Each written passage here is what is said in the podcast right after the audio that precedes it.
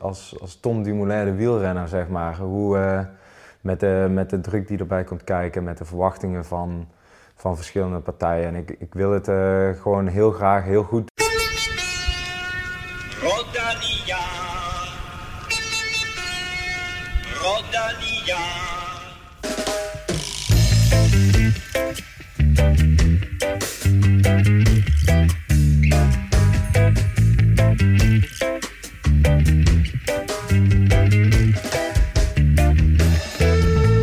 Tom Dumoulin fik lov at åbne denne podcast, og det bliver faktisk det sidste, vi kommer til at høre fra ham i lang tid.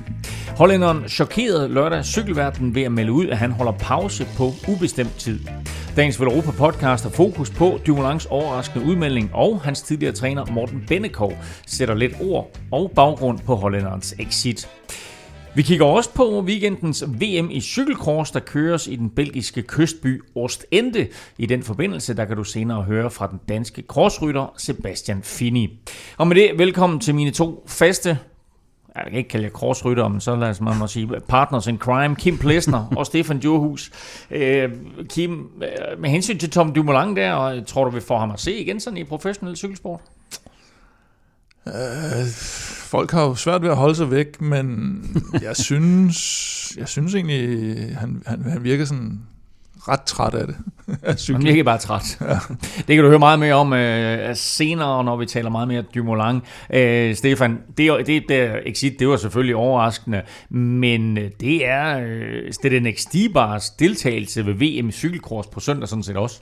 Ja, det er lidt mere øh, glædelig nyhed i hvert fald. Øh, det er jo på grund af, at øh, der mangler nogle landevejscykelløb, øh, øh, så, så øh, har han siddet og set noget cykelcross derhjemme, og, øh, og øh, så, har, så er han øh, blevet lidt tændt på det igen, og, og så spurgte han jo øh, sin, sin chef, øh, Patrick Lefebvre, om øh, han måtte få lov at, at stille til start igen. Det har han jo ikke øh, været stillet op til siden øh, 2014, hvor han, hvor han vandt. Og øh, Patrick Lefebvre, han havde bare sagt øh, always så, øh, så, så det betød jo så, at øh, Stibar har fået frit lejde til at, øh, til at stille op igen, så det, det bliver rigtig spændende.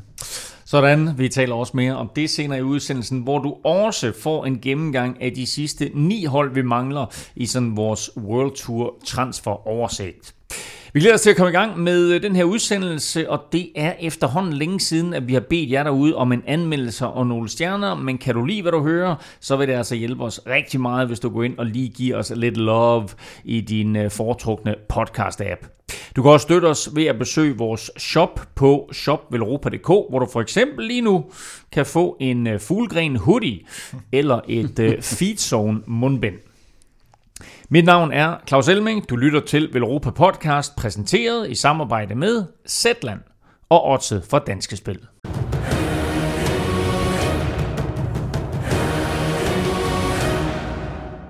Vi lægger ud med ugens store chok. Tom Dumoulin har meldt ud, at han tager en pause på ubestemt tid fra professionel cykling. Og øh, Kim, vi så jo alle sammen en lidt desillusioneret øh, Tom Dumoulin i 2020, men øh, hvor usædvanligt er det, at så stor en rytter pludselig kaster håndklædet i ringen, og så på den her måde? Historisk set kan man sige, at det, der er ofte langt mellem, at det sker, men her har vi jo haft to relativt store rytter inden for kort tid, endda to tidligere holdkammerater øh, Dumoulin og, og senest Kittel, der, der har gjort det lidt på samme måde. Jeg vil dog sige, at, at, at med Kittel, der var man måske lidt mere sikker på, at han, han nok ikke rigtig kom tilbage, hvor Dumoulin den er mere, mere 50-50. Ellers er det jo typisk de her, øh, hvor det er noget, der går, går lidt mere skævt, end man kan sige, det har gjort for de her to, som jo blev super stjerner begge to men hvor man er et stort talent. Man kan have øh, de, de to danskere, øh, Mads Christensen og Rasmus Guldhammer som eksempler. Øhm, at, at, at de store talenter, så kommer de ud og skal køre professionelt, og så går det ikke helt så godt, og så, for, så bakser de lidt med det, og så, og så vælger de at stoppe i en, i en tidlig alder. Øh, de helt store, de, de kører som regel igennem, når først de har fået deres gennembrud. Så derfor er det usædvanligt, og det er usædvanligt. Øh, Altså man kan sige, ja, han, han har set lidt sløj ud og sådan noget, men, men det, der er jo årsager til det, skader og så videre, mm. som vi også kommer ind på senere. Så det, det virker lidt underligt, men... Øh, men du har også nævnt en, en Pete Kenyock. Ja, det er rigtigt. Øh, det, var, det var sådan lidt mere... det, det foregik lidt mere stille og roligt, kan man sige. Ja. Det var sådan, så var han bare væk. Mm. Øh, og så hørte man ikke sådan så super meget mere til det. Så det sker en gang imellem, men, men det sker ikke så ofte på øverste hylde. Dumoulin øh, kom med en stor pressemeddelelse, eller ikke pressemeddelelse, sådan et, et, et videointerview på, på Jumbo Vismas hjemmeside. Øh, og her der nævner han sådan selv flere årsager til sin pause. Øh, mest selvfølgelig manglende motivation, motivation, men også hensynet til familien. Stefan, øh, nu kan jeg ikke lige huske, hvor mange Grand Tours du har vundet, men øh, hvad kan få en øh, cykelrytter på det her niveau til lige pludselig at trække stikket? Øh, jamen, jeg tror bare, det, det, det er i bund og grund bare en, en benhård sport, og øh, altså man kan sige, der er rigtig, rigtig mange, der smider håndklædet i ringen før eller siden, men øh, når de først når toppen øh, og begynder at, at tjene øh, nogle, nogle gode penge, så ser man oftere, at man har et par sløje sæsoner i streg. Altså hvor at man kan godt se, at på, på nogle ryttere, de, de kan godt tabe lidt motivationen, men holder så alligevel kørende, fordi det er et job, og de skal alligevel tjene deres penge. Øh, Tom Dumoulin som måske lige nået det der tak højere op, hvor, hvor at økonomien tillader, at øh, han også kan, kan trække stikket og, og finde noget andet. Men altså, det er jo altid sjovt på vej op, øh, når alle de står og klapper i hænderne, og øh, arbejdsgiveren kommer og giver dig en lønforhøjelse, og man sætter nye mål og når dine mål, man, øh, man havde tidligere sat sig. Øh, men så begynder det der pres også at komme, og forventningerne, øh, så lige pludselig, så, øh, så er det jo ikke fedt, at man øh, kører en top 5 i et cykelløb, eller øh, bliver to i Tour de France nærmest, øh, så, øh, så forventer de jo, at man vinder, og det gør han vel også selv øh, så begynder man måske lidt at køre død i det, når man ikke får, får nået de der mål, og, øh, og så er det bare hårdt, når man skal øh, konstant er, er på vejen ikke? Øh, på, på træningslejre til cykelløb, og øh, selv når man er derhjemme, så, øh, så skal man sgu alligevel ud og træne, så, så det er bare en meget dedikeret livsstil, som, øh, som ikke tillader så meget øh, tænkepause over, som han selv lidt er inde på, øh, hvem, hvem er jeg som person, og har måske gået og tænkt på, hvordan det vil være at stå op og gå en tur med hunden, øh, uden at øh, tænke over træning og cykelløb hele tiden. Øhm, og så tror jeg i bund og grund, det som der har været rigtig hårdt for ham, det er det her med at, at forberede sig, og så løbe ind i en skade, altså knæproblemer, eller så får han de her øh, parasitter i tarmen og sådan noget, ikke? Og, så det der med, at man, man forbereder sig meget grundigt op til noget, øhm, og så snubler man lige øh, på, altså på vej ind til det, og må trække stikket, og, at sætte nogle nye mål og sådan noget. Så det der med at konstant lige at være i, i, i noget modgang øh, for ham, øh, tror jeg har, har været rigtig hårdt i hvert fald. Øh, det er noget, som, som jeg øh, meget godt kan genkende. Vi skal tale meget mere om Tom Dumoulin lige om lidt, men først skal vi naturligvis have skudt gang i quizzen, fordi øh, det er 2021, og vi har sat gang i en ny udgave, og der skete jo faktisk det fuldstændig vanvittige i vores første episode, at Stefan han bragte sig foran 1-0. Nej, men han var også øh, foran det meste af sidste år. Han? Ja, det var han. Så kom lidt fra baghjul der. Men øh, vi har jo fokus på Tom Dumoulin, og ja. Øh, derfor så får I her en lille quiz, der omhandler Tom Dumoulin. Mm-hmm. Øhm, og det faktum jo, øh, som vi også skal tale om senere, at øh, der formodentlig forhåbentlig er et øh, OL til sommer. Og at han i 2016 var med for Holland i enkeltstarten i Rio. Men hvordan så podiet ud i Rio? I får lige et øh, stykke papir og en øh, kuglepen hver, og øh, så kan I så lige lave podiet, og I får et point for hver af de rigtige podieplaceringer, I rammer. Så der er altså helt op til 3 point for hver at Så hente. hvis man rammer, hvis man siger... 1, 2, 3, så er der 3 point. Hvis man siger, at I mærker som det nummer 3, og så har I virkelig om det nummer 1, så får man 0 point. Det er korrekt. Okay, så man skal ramme den helt... Du skal ramme podieplaceringen. Vil det ikke være smartere, hvis vi bare skulle sige de tre på podiet? Lad nu være med at blande dig i reglerne. Jeg skal have pol, og jeg skal have de nøjagtige polplaceringer. Oh, hvem blev olympisk mester, hvem fik sølv, og hvem fik bronze? Er reglerne forstået? Yes. Det er alt for tidligt. Eller sent. Jeg har en regel til jer to, og alle jer, der sidder og lytter med. Lad nu være med at google. Det kom som lidt af et chok for cykelverdenen, da Tom Dumoulin fortalte, at han ville tage en pause fra sporten. Hans tidligere træner, Morten Bennekov fra Sunweb-tiden, er dog ikke overrasket over beslutningen. Als, als Tom Dumoulin de wielrenner, zeg maar. Hoe, uh... Lørdag offentliggjorde Tom Dumoulin i et videointerview på Jumbo Vismas hjemmeside, at han vil tage en pause fra international cykling. Den flyvende hollænder er ellers en cykelrytter med mange kvaliteter, fortæller Morten Bennekov. Han er jo det, vi med lidt slidt udtryk kalder en, en, en komplet cykelrytter. Altså den type rytter, som, som både kan, kan vinde øh, VM i enkeltstart, øh, enkeltstarter i etabeløb, prologer, men samtidig kører så godt opad, så, så han kan vinde Grand Tours. Og karrierens største triumf kom netop i en Grand Tour, da Tom Dumoulin med en fabelagtig enkeltstart på sidste etape vandt Giro d'Italia i 2017. Here he comes. We're waiting to welcome our champion, and Tom Dumoulin. Oh boy, does he deserve this! And he's still powering it in. Tom Dumoulin has done it. It's really crazy. Uh, it was such a nerve-wracking day. Uh, I was super nervous from from the beginning of the day, and I needed to stay calm, but I almost couldn't. And, uh, but I did it. Dumoulin var pludselig blevet et stort navn, og senere samme år vandt han også VM i enkeltstart i Norge, hvor han levede op til sin favoritværdighed. En i orange, han heter Tom de Moulin. Og i det Froome er godt i mål, så kommer altså de Moulin. Det er næsten så han kører ind. Det er utklassing! Gratulerer til Tom de Moulin, historisk guldvinder. 2017 kulminerede for Tom Dumoulin, da han i december foran både fodboldspillere, speedskater og en enkelt Formel 1-kører blev kåret til årets sportsmand i Holland. De sportman van 2017 is Tom Dumoulin. Men med stjernestatus følger forventninger, og 2018 blev en skuffelse. Godt nok blev han nummer to i både Giro d'Italia og Tour de France, men Chris Froomes vanvidsrit, hvor han stjal sejren for Dumoulin i Giroen, gjorde ondt. Chris Froome has just moved in to the virtual pink jersey. Som ene kaptajn for Sunweb blev det konstante pres for meget for Tom Dumoulin, og derfor kom det ikke som en overraskelse for Morten Bennekov, da hollænderen skiftede til Jumbo-Visma. Jeg så det egentlig som en fordel for ham at komme til et hold, hvor at, øh, der var andre end ham, øh, flere andre end ham faktisk, som kunne vinde Grand Tours og som kunne gå efter andre cykelløb også. Han er jo, det er jo ikke nogen hemmelighed, at der også er andre cykelløb, han kunne og, og skulle vinde. Og her kunne han, kunne han i princippet gemme sig lidt mere i mængden af topcykelrytter, end han kunne på Team Sunweb øh, for år tilbage. Det så jeg egentlig som, som godt for ham, sådan som jeg kendte ham. Men opholdet hos Jumbo Visma har ikke været den optur, som Dumoulin havde håbet på. En knæskade efter et styrt i 2019 har gjort det svært for den sejrsvandte hollænder at finde tilbage til sit gamle niveau. Det er noget af det værste, man kan opleve som, øh, som elitesportsmand. Det er skader, som man ikke kan få bugt med. Øh, og det er enormt frustrerende at, at, at kaste hele sit liv kompromilløst ind i det her, og så hele tiden møde de her øh, benspænd, øh, som, som hans skadesituation har været.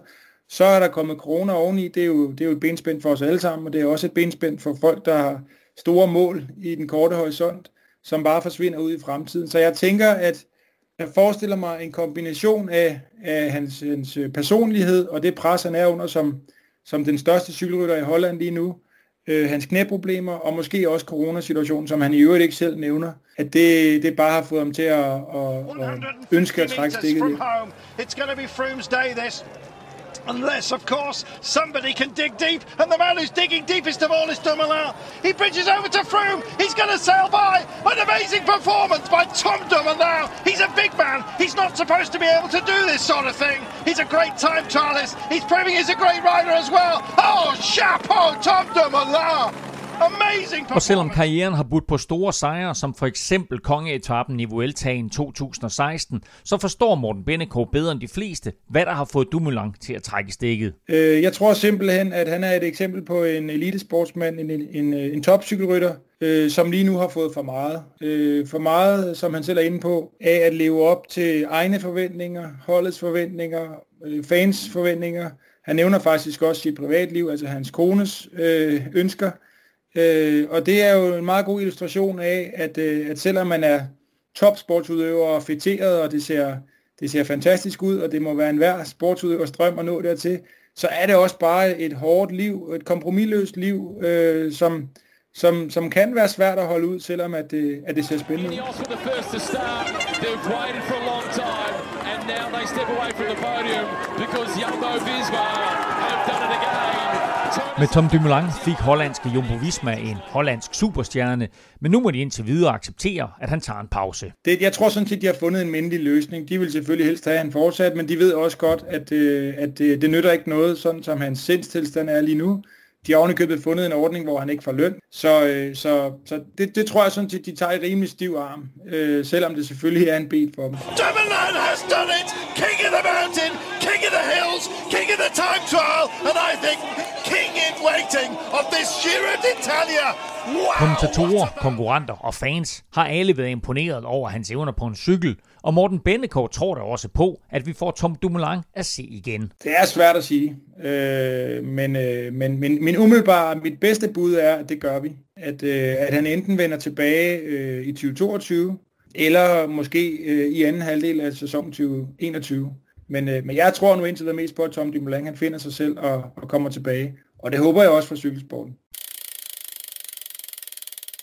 Morten Bennekov altså både øh, tror og håber på, at vi får Dumoulin at se igen uh, inden for sådan relativt kort tid. Uh, Stefan, du fortalte jo lidt tidligere, at du godt kan sætte dig ind i, hvordan han har det. Du har også haft en karriere, der har været, været pladet af skader og måtte faktisk trække stikket tidligere, end du egentlig havde ønsket.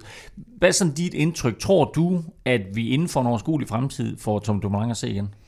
Jeg vil sige, det, jeg synes i hvert fald, det, det er sandsynligt, at, at han kommer tilbage. Det er ikke sådan, at han, han har været helt nede og skrab. Altså, jeg synes stadig, at han har været på et fint niveau, øh, men, men det er ligesom om, der har været nogle ting, der har spændt ben for ham, for lige at få, få realiseret øh, sin, sin mål, og samtidig så er det også måske lidt udsigterne til, at han sidder på et stærkt hold side om side med Roglic, som, som jo så er hans holdkammerat, og som han ikke lige ser ud som om, at han kan slå med mindre, han er 100%. Øhm, så, så jeg tror egentlig, at han trænger til at lige at at, at komme sig over måske nogle af de småskader, der har holdt ham tilbage og, og trænger til den der ferie, fordi at øh, der er mange, der tror, at øh, når man er skadet, så, øh, så er det bare at holde fri, men øh, det kommer bare med en rigtig stor portion stress, fordi at hver evig eneste dag, man ikke kan træne, så sidder man og tænker over, at nu fik de andre lige øh, fem timer i bogen i dag, og det var, det var fem timer, jeg ikke fik.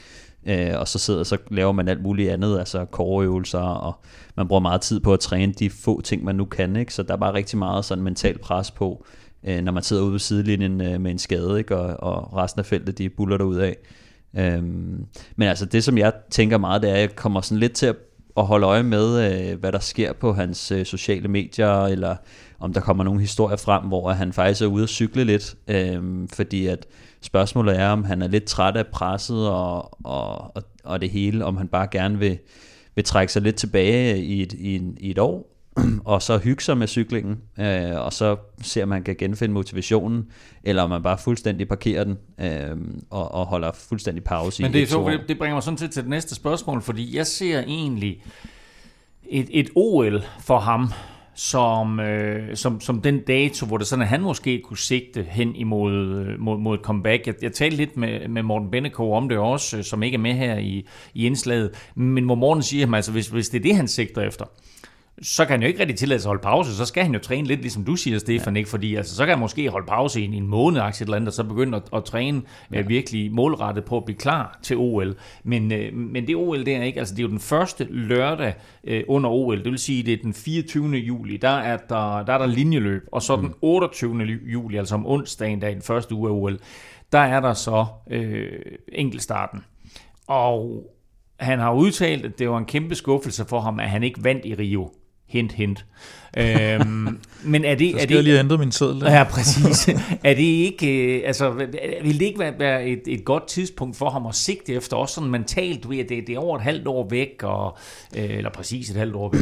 altså, jeg vil sige, hvis man gerne vil vinde OL, ja. så, øh, så, så skal man være et rigtig godt sted lige nu. altså, nu. ja, så, så skal man i hvert fald være Også fordi, at øh, på mange hold, så, så får man en, en ny cykel, øh, altså enten et andet mærke, eller bare en ny version af, af cyklen, og, og måske får man, man får byttet nogle ting ud, så, så allerede nu, så mange af dem, som gerne vil gøre sig på enkeltstart, de er altså i gang med at, at sætte op, øh, hvordan deres enkeltstarts øh, cykel skal, skal, skal se ud. Øh, altså sådan en millimeter op med sadlen eller ned, og styret, og og man skal begynde at vende sig til positionen, så man er klar til at, at få testet sig af de første enkeltstarter og sådan noget. Så sigter man efter OL, så, øh, så skal man være topmotiveret og godt i gang øh, allerede nu, fordi at øh, det, det tager altså tid at, at, at, at, at, at få det hele til at, at falde i hak. Øh, og, øh, og der, der, er sgu, øh, der er sgu langt op, hvis man skal op mm. og bide skære med sådan en som øh, Philip Ogana. Altså, der, der, der tager man altså han, ikke lige øh, to-tre måneders pause, og, og så kommer tilbage øh, som en lille surprise. Men og så han, han har også vundet en hel del mere, Philip Ogana, ikke? Og det er måske det der mentale pres selvfølgelig, der har, der har gjort, at, at øh, han nu har valgt lige at tage Ej, en pause i Dumoulin. Hvis han skal lave noget, altså han skal jo lave en Chris Horner eller sådan noget, hvis han skal, skal også, komme ja. tilbage til OL, ikke? Ja, og så... Øh, så er der også det med, at den aftale, han laver med holdet, er jo, at, sådan, at han bare holder pause, ikke? og han ikke får løn, tror jeg vist nok. Mm. Ikke? Så jeg ved ikke, de har ikke rigtig afklaret det der med, øh, om han faktisk stopper helt, øh, eller om han bare vender tilbage og så begynder at få sin løn igen. Øhm. Men det er lidt interessant, fordi hvad sker der, når han vender tilbage, hvis når han vender tilbage, Kim? Øh, får han så den samme rolle hos Jumbo Visma, eller, eller er der nogle ting også mentalt, der har ændret sig i forhold til de andre rytteres indstilling til ham? Nej, jamen det ændrer sig jo allerede her, kunne man jo se i løbet af 2020-sæsonen, fordi øh, Roglic var så stærk. Øh, en Wout van Aert kom lige pludselig øh, på banen. Du havde Krausweig, som egentlig ikke engang kom ind og troede. Øh, du har en, øh, en Sepp Kuss, der kommer og, og måske skal til at have sin egen chance. Det kan så være, at han, han skal over på et andet hold for at få det. Øhm, men, men man kan sige, at vi sad jo ligesom og ventede på den der og sige, ah, men nu har så gik det ikke så godt der, så kommer han nok lidt tilbage der, og nu ser vi ham så i Weltagen, så kommer han i hvert fald lidt, mm. eller nu kommer han ind ikke så god form i turen, og så kører han sig i form, og så bliver han faktisk deres kaptajn, og så nogle forhåbninger havde jeg da også, eller forventninger, jeg er ikke ligefrem fan af ham, men forventninger i hvert fald, hvor man tænker sådan lidt, så kan det godt være, at han i den sidste uge ligesom brænder igennem, ikke? og det kom bare ikke. Og, øh, og det vil sige, at hans plads i hierarkiet på det hold, den er allerede øh, for nedadgående og, og rykke nogle, nogle takker ned. Ikke? Jumbo Visma er et hollandsk hold. Øh, de hiver Dumoulin ind til ligesom at være det hollandske ansigt. Øh, det er et hold, som ellers har øh, en forholdsvis dygtig slovener, og så har de en amerikaner, og så har de lidt af hvert, men altså Dumoulin var helt klart ansigtet for dem sådan i, i hollandsk sammenhæng. Hvordan, hvordan kommer det her til at påvirke sådan magtbalancen, Kim, mellem for eksempel Jumbo Visma og Ingers? Ja, men det er jo allerede inden Dumoulin han sagde, at, øh, at han ville holde pause, der, der var det helt klart, at Ineos havde, havde opgraderet, og, øh, og, og skulle ligesom ud og tage lidt revanche for det, det nederlag, de havde fået sådan holdmæssigt i, i 2020. Og, øh, og, og der kan man sige, at det her, det, det ligger bare oven på det. At, øh, at nu bliver der, man kan så sige, heldigvis, for hvis vi skal se sådan på spænding, øh, så, så var der et, et stort forspring til, til Jumbo Visma, fordi den, øh, den voldsomme øh, opgradering, der er sket på Ineos, den, øh, den vil være endnu mere voldsom ellers. Så, så det, det kan godt gå hen og blive interessant, altså at vi, vi måske får to hold, der er mere lige, end det var sidste år. Jeg kan huske, at øh, første gang øh, det gik op for mig, hvor stor en stjerne Dumoulin han er, øh, det var, da jeg var nede og dække Tour de France for TV2 i 2015, øh, i, øh, der var startby Utrecht i Holland. Mm. Øh, han blev kun nummer 4 i den der prolog, og det var en kæmpe skuffelse for ham selv, men også for alle de hollandske fans, der har mm. mødt op i Utrecht. Det er jo blevet kåret, jeg tror, til verdens bedste cykelby. Øh, det er vist København og Utrecht, der ligger og kæmper lidt om det. Men der var altså flere hundredtusind mennesker, der stod og så den der prolog i, uh, i Utrecht. Um, han vinder ikke, men han er jo en af de her temporyttere, som vi har talt rigtig meget om i Velropa podcast, som pludselig har taget de der egenskaber som temporytter, og så er blevet mm. en god uh, Grand Tour-rytter også, altså en, der mm. kan vinde etabløb. Ja, man kan sige, han, han startede ud uh, netop med, med enkeltstarten som, som, uh, som sin spidskompetence, og bliver allerede som 19-årig, der vinder han uh, enkeltstarten i Baby Gino'en. Hvad den hedder, Stefan? Oh. Cyklista Baby Gito. og, øh, og bliver nummer syv ved, ved U23 VM i enkeltstart. Øh, der, der bliver vundet af Taylor Finney foran Luke Durbridge og Marcel Kittel. Øh, hvilket var sådan lidt underligt, og, og Rowan Dennis på femtepladsen. Men øh, nummer syv ved U23 VM som 19-årig, det er også, øh, det er også okay. Øh, og så kommer han ind i, i 2011. Altså det er jeg ikke sikker på, at Mikkel Bjerg han er enig med dig i. Nej, det er rigtigt nok. Øh, I 2011 så kommer han ind på, på Rabobanks kontinentalhold og bliver nummer 8 ved U23 VM i enkeltstart øh, i København, som okay. nogen måske ja. kan huske. Jeg ja. er ret sikker på, at jeg selv stod og overvejede det faktisk, hvor Kvade bliver træer, og, øh, og Durbridge han, øh, han vinder. Øh, og så øh, hvad hedder det, kører han også top 10 i øh, U23 Liège, Bastogne Liège, og han vinder sit første løb, sådan en lille, lille belgisk kategori. Men det er det alle sammen, det her det er alle sammen U23-resultater. Ja. Øh, i, i, I 2012, der træder han så ind i de professionelle rækker. Øh, hvordan går det for ham? Jamen, det går, han får faktisk ikke gennembruddet fra start, det kunne man godt have troet, at, øh, at, at så skulle han bare ind og også, øh, også vise sig der. Men i 2012, der hvor han får kontrakt hos Argos Shimano, som så bliver Giant Shimano og Giant Alpecin, og så egentlig ender som det her Sunweb, som så igen er blevet til, til DSM nu. Øh, men det er faktisk først i 2013, hvor, øh, hvor han får sit, øh, sit senior gennembrud og kører, kører top 10 på den ene af enkeltstarterne i, øh, i Tour de France. Han vinder bjergkonkurrencen i Ruta del Sol, han bliver nummer 6 i tre dage ved Pan. Han vinder ungdomskonkurrencen og bliver nummer 5 i Belgien rundt, øh, og øh, bliver kun slået på enkeltstarten af Tony Martin. Og så bliver som, han nummer... som på det tidspunkt var uslåelig. Ja, han var, han var god nok.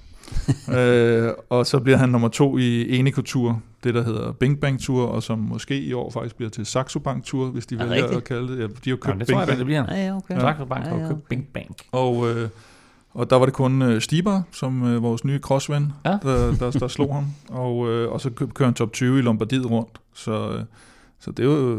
Det er Men det er jo, meget- altså, det er jo altså all-round, masser af all-round resultater. Præcis. Og det er jo også en af de ting, som, øh, som Bennekov faktisk var inde på her. Det var jo det der med, at han har haft evnerne øh, og talentet mm. til at vinde en masse af de her endagsløb også.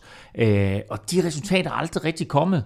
Øh, måske, Nej, har måske lidt også, noget Amstel og noget, noget Liège og sådan noget. jo, ikke? men, men, men han har ikke vundet dem. Nej, nej, og, altså, øh, slet og, ikke. og, og det kan også godt være, at, at de forventninger, der har været til, at han skulle vinde den der type løb, med, med den måde, hans karriere startede på, at de har været for høje, han ikke rigtig kunne leve op til det, og måske også skuffet sig selv.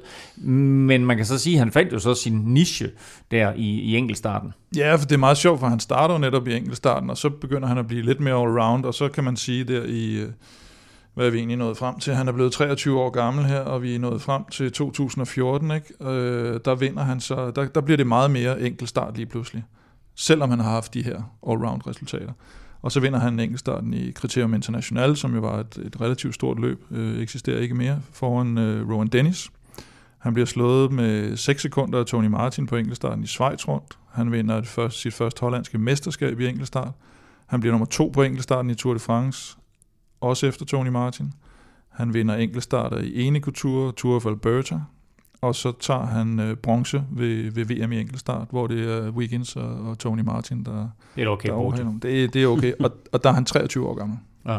Så, øh, så der tænker man ligesom, okay, her har vi helt klart med en, øh, altså en tempospecialist at gøre, ala Og man, man, man Tony kan Martin sige, måske. Man kan sige det på en måde, at det var jo sådan set timet, fordi han netop, øh, han netop for, raffinerede de egenskaber, han havde ja. i enkeltstarten, og så da de ligesom var på plads, så var det, at han begyndte at fokusere på klassementet, og jeg kan da huske, at- jeg var vanvittigt overrasket selv, da han lige pludselig træder ind, og så bliver klassementsrytter. Jamen også fordi det jo, det jo nærmest kun er en sæson, han så ligesom har øh, kørt sig i stilling som den her øh, top enkeltstartsrytter, så tænker man jo lidt netop, at når det er en ny Cancellara, Tony Martin, whatever, øh, Rowan Dennis, øh, som jo alle tre på et tidspunkt så er, har, har der været de her rygter om, at nu laver de så også snart om til klassementsrytter, og så er det, så er det bare aldrig blevet til noget.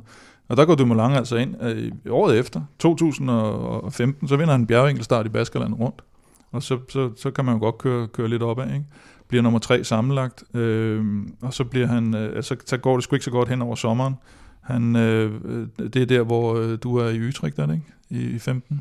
I 15 år, Ja. der udgår han. Der udgår han øh, på øh, Mordi Hui. Og, øh, den med Utrecht, så kan jeg huske, at han fik jo øh, politieskorte for at, for at træne på, på ruten, hvilket jeg synes var ret vildt. Altså, han, fordi han var så populær, eller? Ja, og de gerne ville have, at han skulle vinde i Holland, så han, øh, ja. han fik lov at træne på den med, mm. med, med lukket eller sådan politieskorte, øh, sådan, så han kunne øh, blive klar til det. Så igen en kæmpe skuffelse, men for ham dengang, men, men også øh, siger lidt om, hvor stor en stjerne han, han er i Ja, ja, Holland. men han blev jo netop en kæmpe stjerne her ja. også. øh.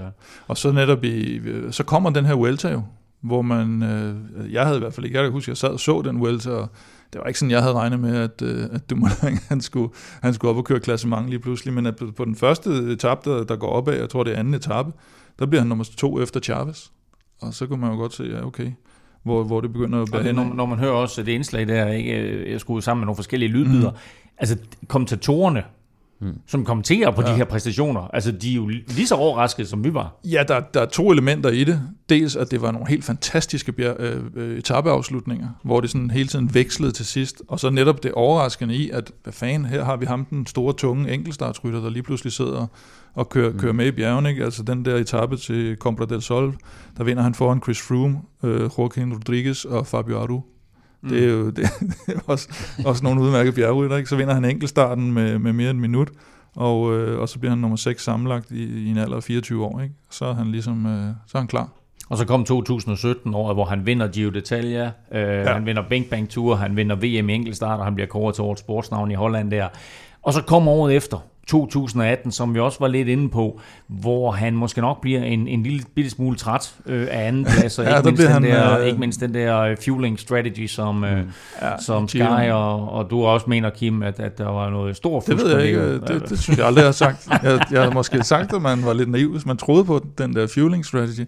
Det er noget andet, og den har vi været inde på, men øh, jamen, det er rigtigt. øh, andenpladser, øh, i, og, og det er jo ikke bare sådan et andenplads i et eller andet lille løb men altså to år i Giroen, to år i turen. Øh, efter Grant Thomas jo. Efter det Thomas. Froome, han taber nej, til det. Ham, ham, ham vinder han Froome, Froome i Giroen, og så til Grant Thomas i turen. Ikke? Og så nummer to i VM i enkeltstart også, ikke? og nummer to i VM i holdtidskørsel. Så, ja. så det var ligesom de store mål i mm. sæsonen. Der bliver han bare nummer to, ja, to, to, to. Også noget af det, det, det fede ved Tom Dumoulin var også, at, at han ligesom kommer op i et i, på et tidspunkt, hvor at Sky ligesom øh, dominerer meget af det, og han kommer ligesom op som den der, der kan der mm. faktisk kan være bedre end dem på deres egen måde. Altså, han kan godt lide den der øh, rytme, og han er faktisk bedre end de andre på enkeltstarten. Ikke? Mm. Så, så man sad lidt og forventede, at når Sky de kører det der, så har vi ham her, som faktisk kan gøre det endnu bedre end, ja. end Froome og, og Grant Thomas. Og så har du også sådan, i, sådan altså. popularitetsmæssigt, ikke? Jeg, man kan godt forstå, at han er populær og sådan noget, han ser godt ud, og han har, har nå, hvad hedder det? Nå, ja, okay, okay. det, øh, og, og, og, og elegant på sin cykel, og, og sådan likable personlighed, ikke også i forhold til, at på det tidspunkt har du Froome som den anden store, som jo aldrig rigtig ja. sådan er, er brudt igennem på det område, så man kan godt forstå, at der er mange, der sådan tænker, okay, nu skal han altså ind og, og udfordre der, ikke? Og så kommer det her øh, skifte til Jumbo Visma 2019. Vi er jo alle sammen sådan lidt, wow, det, det bliver spændende at se, hvordan de håndterer ja. hele det der. Men det hele det bliver amputeret af det her styrt i Giroen, den ja. efterfølgende knæskade, og han er jo aldrig rigtig kommet tilbage. Nej, så kommer han tilbage, jeg tror han kommer tilbage i Dauphiné, og, og, og, og kører lidt der, og kan mærke, at den er sgu ikke helt god, og så siger de, at ah, vi tager ham bare lige ud, du ved, altså bare lige for en mm. sikkerheds skyld, fordi nu skal han jo til turen og gøre det godt. Og der kom, han kom bare ikke tilbage efter det der. Og så er der noget med, der kommer også, er det alt det der tarmsygdom, eller hvad fanden der også kommer ja, senere? Ja, noget parasitter i, øh, tarmen, tror jeg, ja. eller mærkeligt. Men, men det er typisk, jeg synes nogle gange, man ser, når nogle af de her rytter kommer ud i de her eller længere skadespauser og sådan noget, og så er det sådan nogle, til sidst så er det også sådan, vi kan ikke rigtig forstå, hvad der er galt, og så finder de altid, altså fordi så tager de alle mulige prøver, jamen så er der altid sådan nogle netop parasitter eller bakterier, eller hvad ved jeg, der, der finder ud af, nå, det var det, eller det, det en visdomstand, eller sådan noget. Ja. Nå, nej, nej, nej, nej, nej, ikke den, det var en nej, voldsom nej, nej. parasit. Øh, men nej, det er der, det går galt jo, ikke? Altså, det, og, og, og, han, er, han er aldrig kommet tilbage for det. Han er, han er aldrig kommet tilbage på det niveau der, som, som han var på, inden han skiftede til Jumbo Visma. Uh, 2020 kommer han tilbage til. Der er selvfølgelig, som, som uh, Morten Bennekov også var inde på, alt det her med corona og alt muligt andet og så videre. Uh, og også det faktum, måske, altså selvom det ikke var ham selv personligt, det gik ud over, så taber Jumbo Visma trods alt Tour de France mm-hmm. på den der enkeltstart, der, ikke, hvor, hvor Roglic smider det hele til Pogacar. Um, og nu er vi altså der, hvor Tom Dumoulin har meldt ud, at han tager en pause på ubestemt tid fra øh, professionel cykling, og så må vi se, øh, hvornår og om, og øh, forhåbentlig på et eller andet tidspunkt, at han vender tilbage.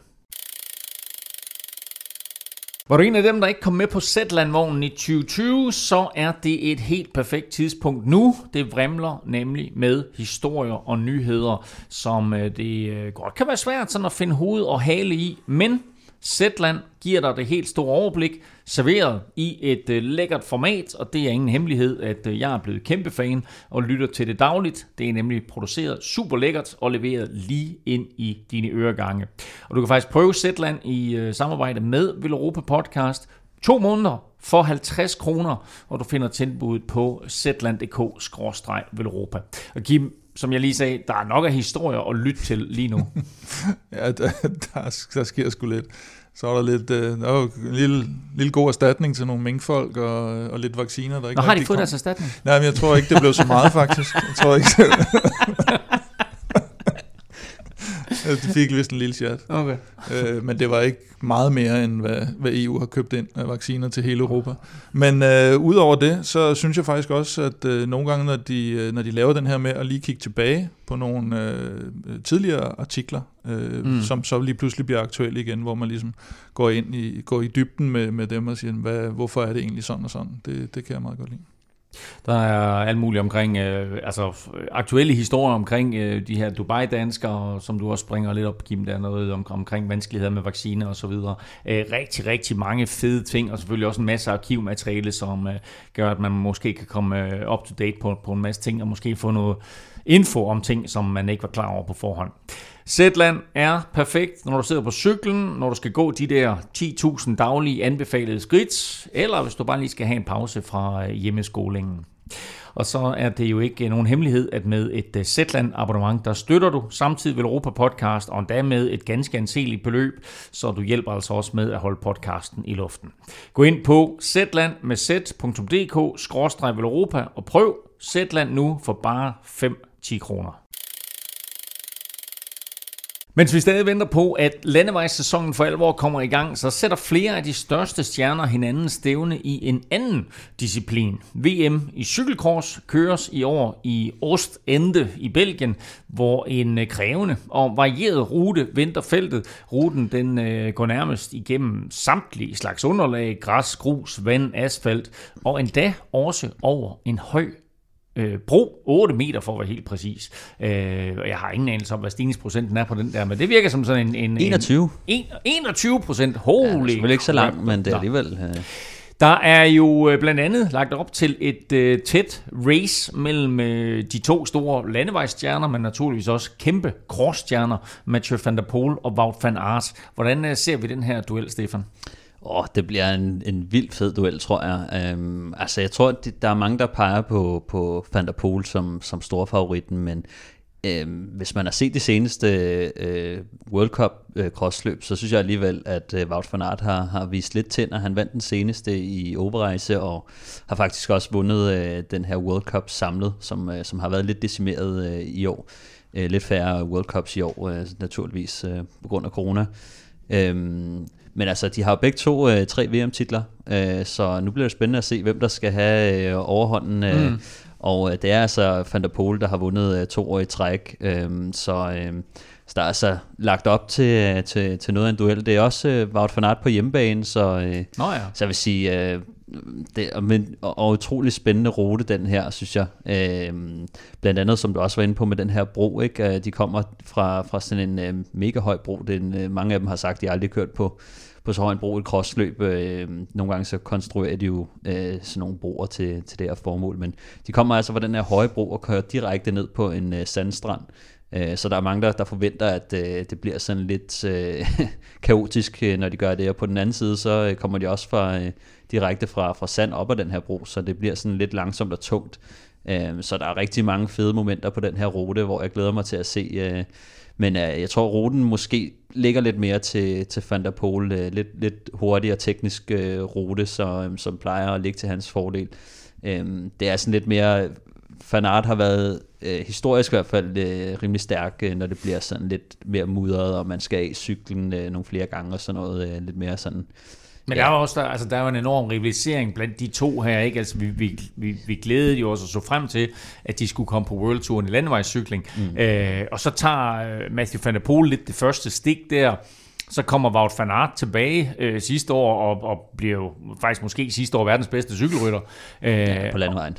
ja, på landevejen ja. mener jeg. Og, og det er vel også derfor, at nu er de tilbage i deres oprindelige element, så den her øh, duel her, det er jo ikke kun et spørgsmål om, hvem der lige vinder, det er også et spørgsmål om, så lidt som du siger, hvem tager lige næste stik? Ja, netop, og, og vi har jo set, øh, hvordan den her duel, øh, som jeg har i hvert fald glædet mig meget til det, efter som med årene jeg begynder at interessere mig mere for, for, for cross og og har bare glædet mig til, at vi fik den her duel på, over på landevejen også, fordi den har i den grad eksisteret i crossverdenen, så, så nu hvor de begge to også er på landevejen og har, og har haft øh, deres store rivalisering der, så bliver det også sjovt at, at komme tilbage og se, øh, hvem det er, der ligesom øh, skal være den store stjerne øh, mellem de to. En tidligere stjerne, som øh, var den dominerende figur, inden de her to de kom frem. Øh, ham talte vi lidt om i begyndelsen af udsendelsen, fordi øh, en af de gode gamle drenge, han er med os i weekenden. Ja, øh, Stenik Stibar, øh, han gør jo comeback, øh, som vi fortalte i starten, og øh, han kom jo op øh, fra crossverdenen og er jo tre gange øh, verdensmester fra tidligere senest i, i 2014, så det er nogle år siden, at øh, han ligesom skiftede fokus øh, over til landevejen primært, øh, og har jo været et fænomen altså fra, fra crossverdenen og har taget sine egenskaber med over til, til et løb som Strade Bianche og Paris-Roubaix og de her tekniske løb. Øh, så, øh, så jeg tror, han har været lidt savnet i, i, i crossverdenen, men vi har jo haft øh, god gavn af ham på, på landevejen. Så, så det bliver utroligt sjovt at se, hvad han kan udrette, når han kommer tilbage. Jeg forventer ikke at se ham sådan blande sig i, i top 3, men jeg tror... Jeg tror ikke, han lige kan presse de der to unge drenge der. Oh, det, det er sgu svært. Jeg tror bare, det kræver så meget øh, forberedelse og tekniktræning og, og sådan noget. Og det, det er nemlig en meget varieret rute, så, øh, så, så man skal skulle lige have, have kørt i nogle sandbanker og, og have trænet lidt det der med at hoppe af cyklen, og man skal også løbetræne.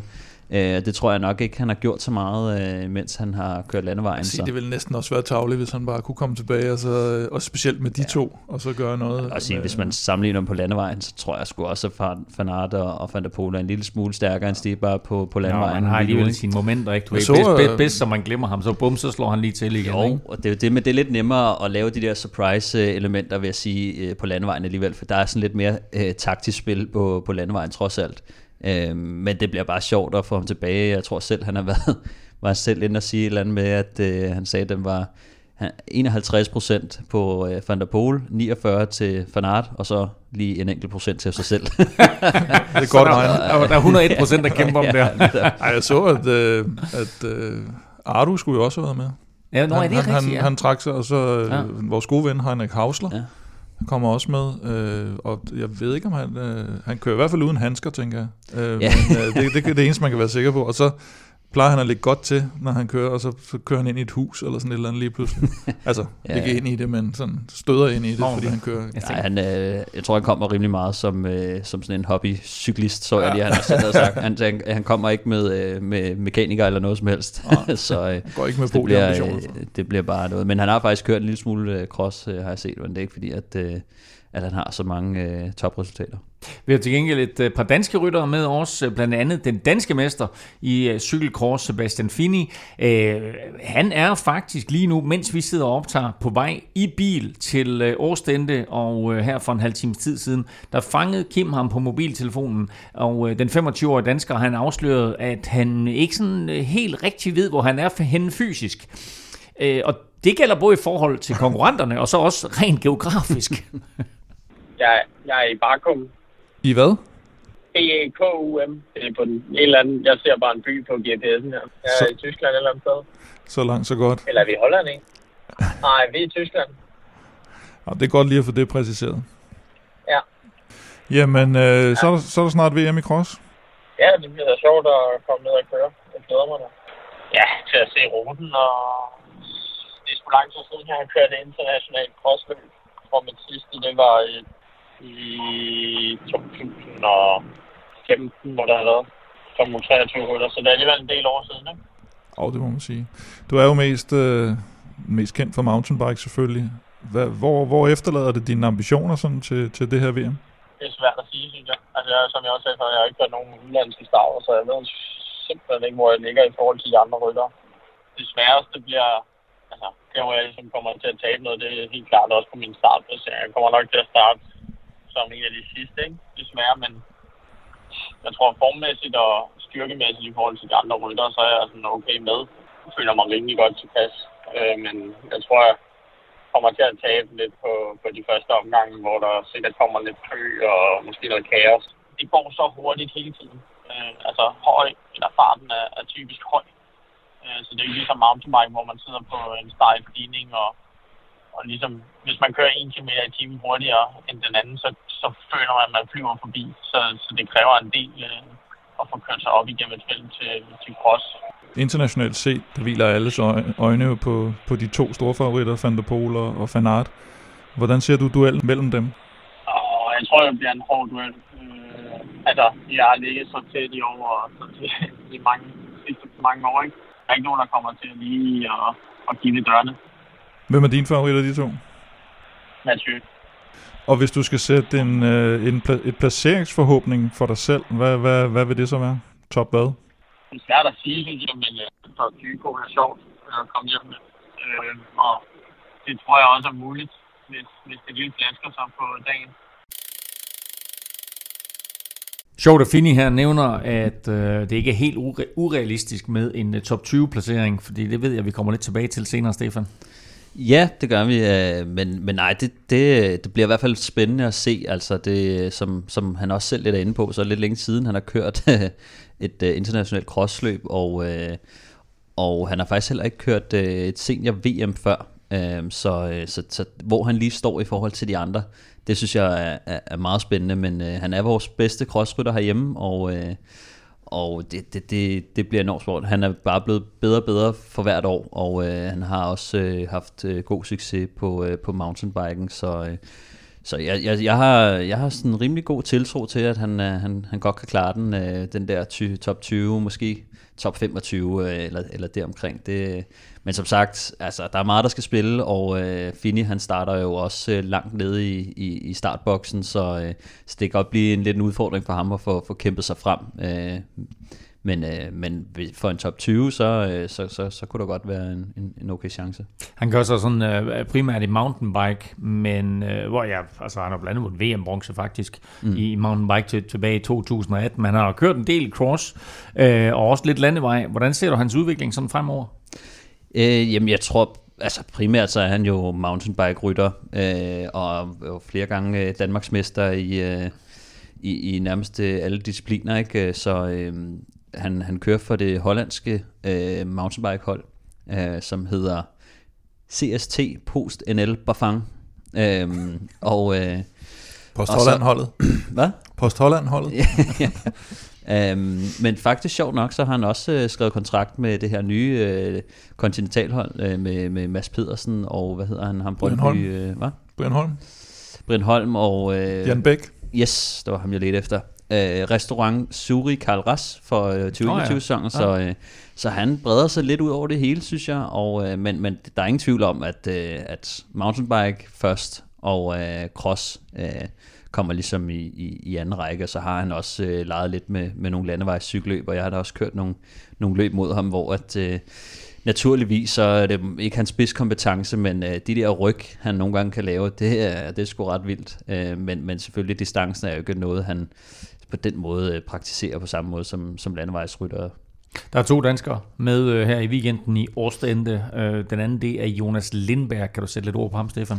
Øhm, ja, det er en, øh, en, en, en ung midtjyde på en 23 år, som, som på samme måde også øh, gør sig øh, i, øh, i, i mountainbike som Fini. Øh, og han kører for øh, Gammel Ryge Mountainbike øh, klub, dansk øh, klub.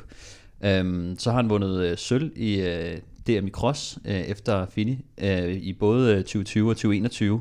Så, så han er en af de her øh, lidt øh, spændende upcoming øh, navne, som... Øh, som også godt kunne gå ind og vinde en, en VM-titel i både mountainbike og cross på, på sigt, øh, men har også øh, stået måske en lille smule i skyggen af vores øh, to stjerner i øh, Fini og øh, Simon Andreasen, som, øh, som jo har været øh, virkelig øh, gode. Øh, både i Danmark har de støvsuget øh, alle titler og øh, også øh, været godt med internationalt. Og så noget cykelcross her, det er ikke noget for Simon Andreasen, eller hvad? Øh, jo, han har faktisk kørt før, men jeg tror, at øh, han har jo haft øh, den her lidt... Øh, slemme, øh, mærkelige rygskade, som mm. øh, han har bøvlet lidt med øh, tilbage i, har han været 17 eller 18. Øhm, og så tror jeg egentlig bare, at han har skiftet lidt øh, fokus over til, øh, til at være et helt dedikeret øh, mountainbike. Han har i hvert fald ikke lige øh, stillet op til noget. Øh, sjovt nok med Simon Andreasen har han lige skiftet fra... Øh, øh, Specialized øh, holdet til øh, Cannondale holdet, så, øh, så jeg tror også, øh, nu ved jeg ikke lige, hvor han er i verden, men øh, han har i hvert fald været over til noget training camp og introduktion, øh, for øh,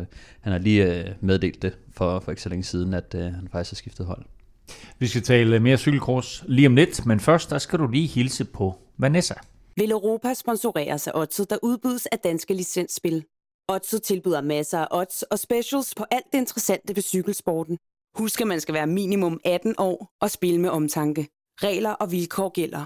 Om lidt får du spiltips til VM i cykelkross, praktisk samarbejde med Odds for Danske Spil. Men øh, først så lad os lige tage et kig på favoritterne. Vi har jo sådan lidt været omkring øh, både fan den ene og fan den anden.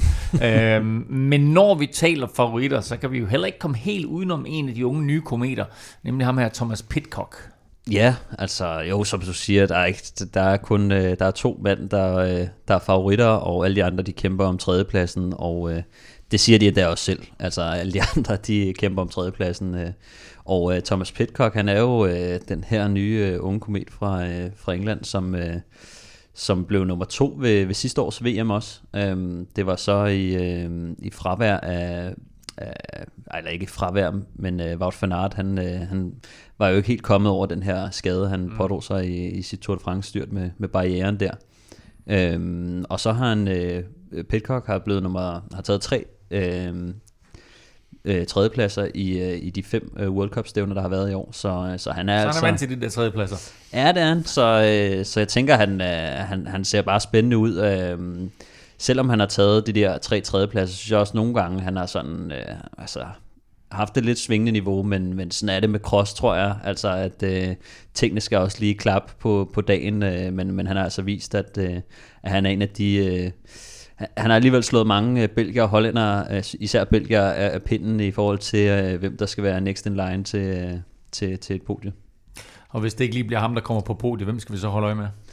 Øhm, så er der, øh, jeg synes, der, der har været en lille skift, men, øh, men øh, Michael van Thornhout er en af dem, som måske faktisk den eneste, der har vundet en World Cup i år, som ikke hedder øh, Matthew van der Poel eller, eller Van Aert. Men endnu, endnu en fan. Endnu en fan, ja.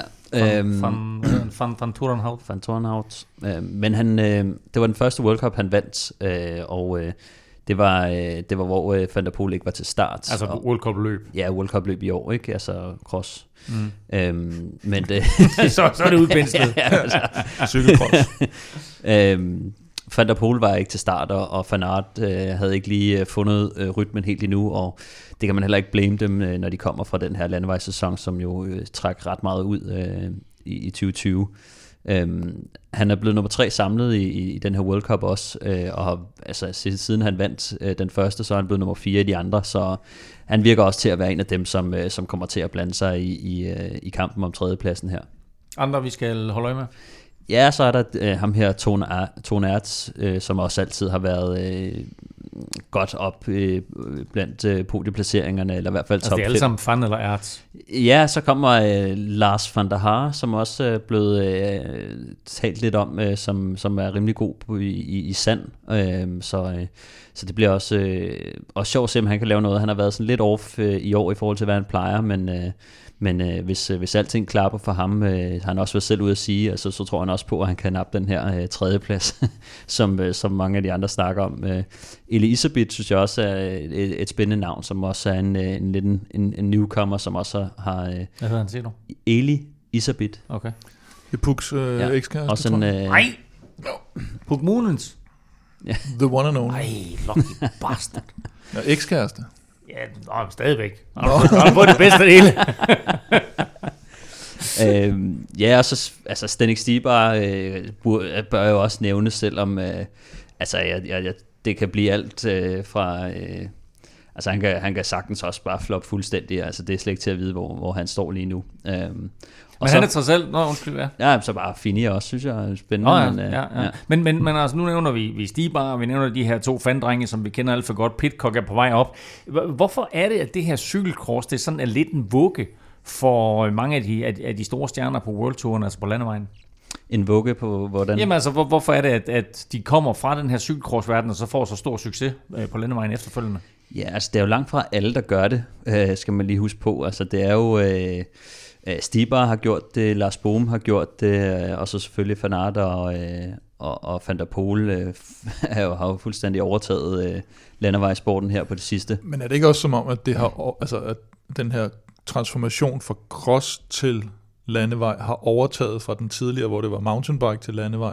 Fuglsang, øh, øh, Michael Rasmussen, Ala Philippe og ja, hvem Peter Sagan. Ja, ja, Sagan, ja. alle mulige. Jo, jo, og, og der har også været meget snak om, øh, at, øh, at man skulle køre på banen for at blive god på landevejen. Ikke? Altså, mm. der har også været en periode med, med alle de her øh, britter og australier, øh, og, og nogle italienere også, der kommer op, hvor alle siger, at det er fordi, at de bare kører på, på banen. Øh, det nye hotte, det er jo så cross, og øh, ja. jeg kan godt forstå, at øh, man har nogle elementer i det, teknikken og det eksplosive, som gør, at, øh, at de har noget specielt, fordi de træner det så meget og har gjort det længe. Øh, så, så for dem er det bare udfordringen at få lagt den her øh, distance og og sådan lidt anderledes mm. positionskamp øh, på os. Øhm. Men det er klart, der er jo en masse positionskamp i det her, og så virker det også som om, at der, der, der er rå power, og så mm. det der, man på engelsk kalder bike handling.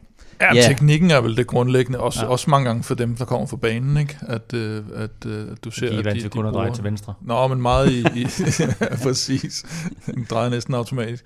Øh, nå, men meget, der, der er det jo selvfølgelig meget sprinter og, og lead-out-folk, Mørkøv og Viviani, ja. der også kommer fra banen. Ikke? Nu. Det er meget mere finesse i forhold til det her med afgørelserne. Mm. De er jo vant til at køre på meget, altså klods op af hinanden inde på banen øh, uden bremser, ikke? så de har rigtig god øh, følelse med, med hvordan øh, løbet lige bevæger sig positionskampen, øh, hvornår de skal træde til. Øh, de har også et, et rigtig godt moment, men det er mere for sådan noget øh, oppe i farts øh, cykelløb, vil mm. jeg sige, ikke? Øh, hvor at, at cross det er mere det der med, at du sprinter frem til et sving, og så drejer du der, og så er det bare øh, op af en, øh, en, en ordentlig ejner, og så... Øh, en meget, meget, meget, meget start stop meget øh, acceleration, meget eksplosiv. Ja, netop, og det passer jo godt ind til, øh, til mange af de der øh, forårsklassikere, øh, Milan Remo, Liège Liège og alle de her store øh, cykelløb, så, så der har de helt sikkert en, en fordel øh, i nogle aspekter af løbet i hvert fald, så længe de kan få lagt distancen på og, og, og lært øh, de, de lidt mere landevejs øh, tekniske øh, ting også. De skal øh, køre omgang i Åstende. Du nævnte tidligere, Stefan, at øh, der indgår alle mulige forskellige slags underlag. Hver omgang er 2900 meter. Der er 1300 meter græs, 400 meter grus, 600 meter sand, 200 meter asfalt og beton, og så 400 meter, der går op og ned af broer. Øh, hvor mange omgange skal de køre? Øhm, det ved de ikke. Hvad for noget? Det ved de ikke. Hvad skal det sige? De ved det ikke på forhånd i hvert fald. Okay. Øhm, det er sådan, at de skal køre den her team, og... Øh, og hvor, hvor mange omgange det så skal køre, det finder de ud af undervejs, øh, hvordan de lige øh, regner ud, at det passer med en team. Så, øh, så når de først er kommet i gang, øh, så, øh, så får de at vide, hvor mange omgange der er til, øh, til mål. Ikke? Så, så man tager nærmest tid på den første omgang, eller hvad, og så siger, at det svarer til? Ja, det bliver i hvert fald regnet ud undervejs. Øh, jeg ved ikke, om det er allerede på første eller om og to omgange, at øh, de gør det, men, øh, men de får i hvert fald at vide, hvor mange omgange øh, de, de skal køre i alt, imens de er på ruten. Og hvordan får de det at vide? Ja, det får de ved, at speakeren siger det, og så, øh, så, plejer, så holder de også, øh, hvad hedder det, sådan et, et, så, et nummer op. Så det vil sige, når man går i gang, så ved man simpelthen ikke, hvor, altså jo, man ved, at man skal køre en time. Man ved, at man skal køre en time, ja, okay. ikke? og så lige præcis hvor meget øh, det munder ud i, det finder så ud af noget Det, det synes jeg er meget smart, altså hvis man, skal, hvis man gerne vil have den her time, så kan man ikke på forhånd estimere, øh, fordi at ruten også mange gange... Øh, Altså, de, de ved sgu ikke lige, hvor hurtig ruten mm. er, hvor, hvordan rytteren lige præsterer på dagen. Det er også fedt i forhold til træning. Man skal bare træne en time. Ja, man skal køre fuld smadret en time. Jamen, det handler jo meget, jeg tror, at grunden til det er jo meget også det der med, at øh, underlaget, øh, vejret, kan jo have indflydelse på, hvor lang tid en omgang tager. Mm. Øh, så selvfølgelig kan det også have indflydelse på, hvor, hvor gode, gode de er dem, der steder start, og hvor hurtigt der bliver kørt. Men i cross, der er det jo, det er jo sjældent, man ser, at der ligesom ligger et samlet felt og venter i, ja. i cross. Ikke? Jo, jo. Så der ved du typisk efter, efter de første par omgange. Men man kan så, trods alt sige, sådan 1300 meter græs der, ikke? Altså, som øh, er øh, omkring en, en, en tredjedel af løbet, ikke? Mm. At, øh, eller langt mere end en tredjedel af løbet faktisk, øh, at det kan godt gå fra at være sådan rimelig hurtigt til at komme over første gang, til sådan 5. 6. gang, så bliver det pludselig til mudder, og så kan det altså godt tage, tage lidt længere tid at komme igennem. Ja, netop, og det bliver også lidt spændende at se, hvordan det udvikler sig, fordi at nu er det jo, øh, kommer det nok til at være frostgrader, så, øh, så lige hvor meget mudder det bliver, det, øh, det ved jeg ikke, men det bliver jo selvfølgelig lidt mere mudder, øh, når det er lidt varmere. Vi skal have nogle øh, spilforslag på banen, og traditionen tro, der lægger vi ud med Velropas vinder. Jeg tænker Matthew van der Poel. Matthew van der Poel. Ja, men øh, nu har vi jo fået vores, øh, vores oddsætter herovre til. Tro, og... Han har jo været helt vild med fanart i, i den her sæson. I den her altså, sæson, ja. For, forrige sæson, eller ja, ja, 2020. Ja, 2020. Ja, prøv, du talte fanart lidt op. Er det, er det den ja. retning, vi går i? Vi øh, lader Stefan få... Øh, nu fører han quizzen jo, ikke? Så, øh, så skal han ja. også få lov at vælge Velropas vinder i dag. Ja, og det, det, det bliver Wout van Aert. Øhm, altså, det, det bliver det simpelthen. Det bliver Wout van Aert, ja. øh, der bliver Velropas vinder. Nå, okay, jeg troede bare, at det blev ham, der vandt. Ja, det håber det satser vi da også på. Altså, jeg synes, det, det er et flot odds, man får på ham. Øh, odds, de giver 2,85 gange pengene igen på ham. så det synes jeg egentlig er meget pænt, når man tænker på, at han lige har vundet øh, den, den, den seneste, det seneste World Cup løb. Det skal dog siges, at han vandt det, hvor at Mathieu van der Poel han fik en punktering, ja. og så skulle han lige op og, og lukke hullet og, øh, og gik lidt koldt på det, og han havde også en kørefejl undervejs, så det var heller ikke van der Poels bedste race, men, øh, men Fanart har altså vist, at han godt kan, kan være en, trussel, en stor trussel for den her øh, sejr, så 2,85 på, på en, der er, er sådan næsten 50-50 øh, favorit. Det synes jeg er meget pænt. Så hopper vi videre til uh, Stefans staldtip, den får du uh, naturligvis også lov til at tage. Ja, og det bliver faktisk uh, Sebastian Fini, som, uh, som vi skal have i top 25, og uh, den giver odds to gange igen. Så uh, nu har Fini jo sagt, uh, ja, da jeg skrev med ham, så sagde han top 20-25. Og så, uh, så tænkte jeg, så, så, så prøvede vi lige at høre oddset der, og så fik vi altså et, et odds 2 på top 25. Så hvis Fini han, øh, han gør, hvad han siger, så øh, får ja, du... Nu har han jo nærmest slået det, synes jeg. Ja, det synes jeg også. Så, øh, så jeg tænker, at det, det der bliver udfordringen for ham, altså der, der kan ske meget, for, netop fordi han starter bagerst, øh, men han har formen, øh, altså han, han er i god form lige nu, og, øh, og de skulle jo også øh, øh, sådan, normalt skulle han jo til at, at køre sin mountainbike løb, ikke, som han også har forberedt sig på, så, så han er da i hvert fald kampklar, øh, og det er der, også andre, der er bevares, men, øh, men øh, ja. Det, vi satser på en top 25 der, og det, det giver altså på. odds 2 igen. Sidst, men ikke mindst, Plesners podie. Ja, og der må man jo træde karakter som den store Team Sky, Ineos fan, jeg altid har været og er. og øh, derfor så øh, sætter jeg mit, øh, sætter min lid til det unge, håbefulde Thomas Pitcock-talent. Ja. Cockpit. Så det bliver Pitcocks på i den her omgang? Ja, det er lige før. øh, odds, øh, pæne odds 2 på, øh, på tredjepladsen. Sådan. Eller andenpladsen, eller førstepladsen. Bare en podieplacering det er det. til ham i top 3.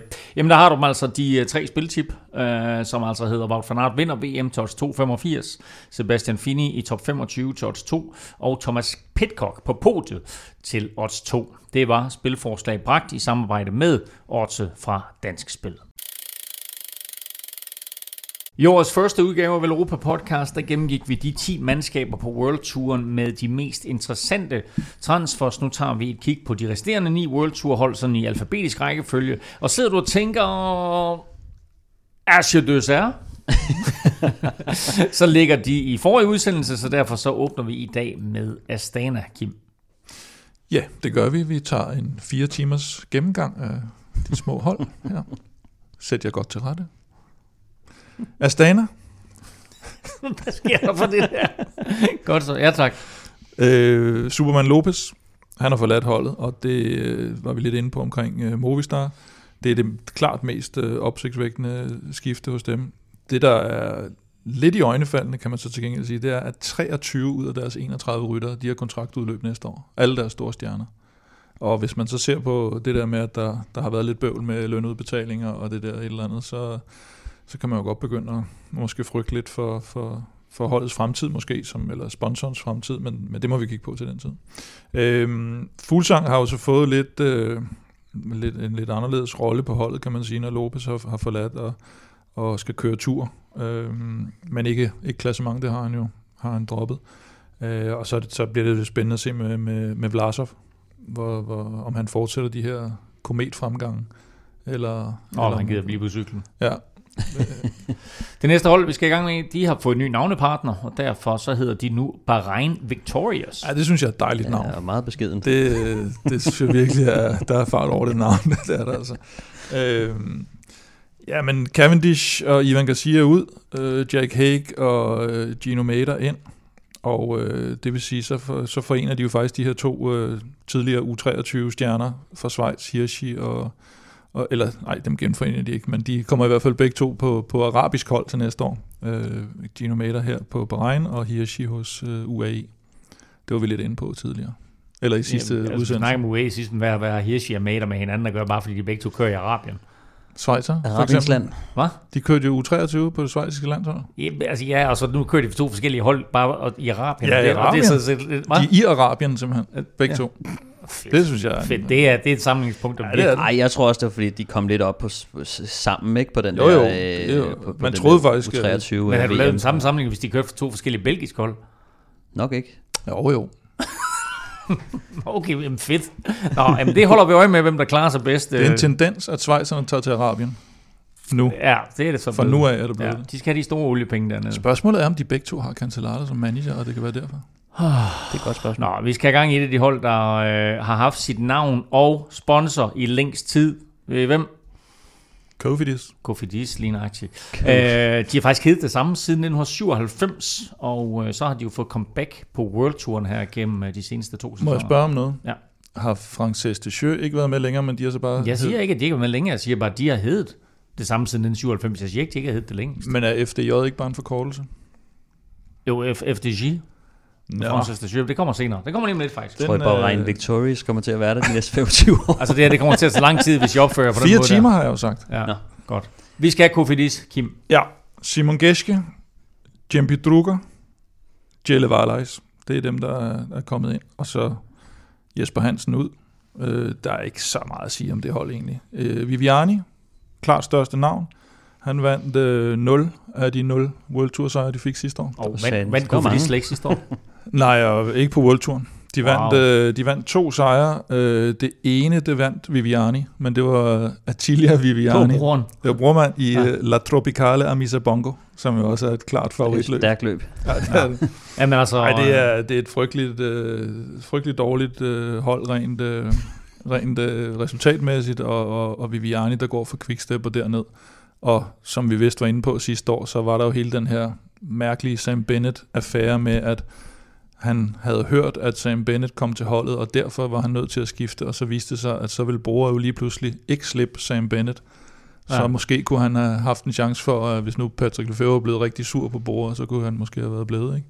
Og så røg han ned til, til Kofidis alligevel og fik øh, 0 sejre. Jamen, jeg tror, det var meget godt for, for alle parter, øh, undtagen måske for Kofidis og Viviani.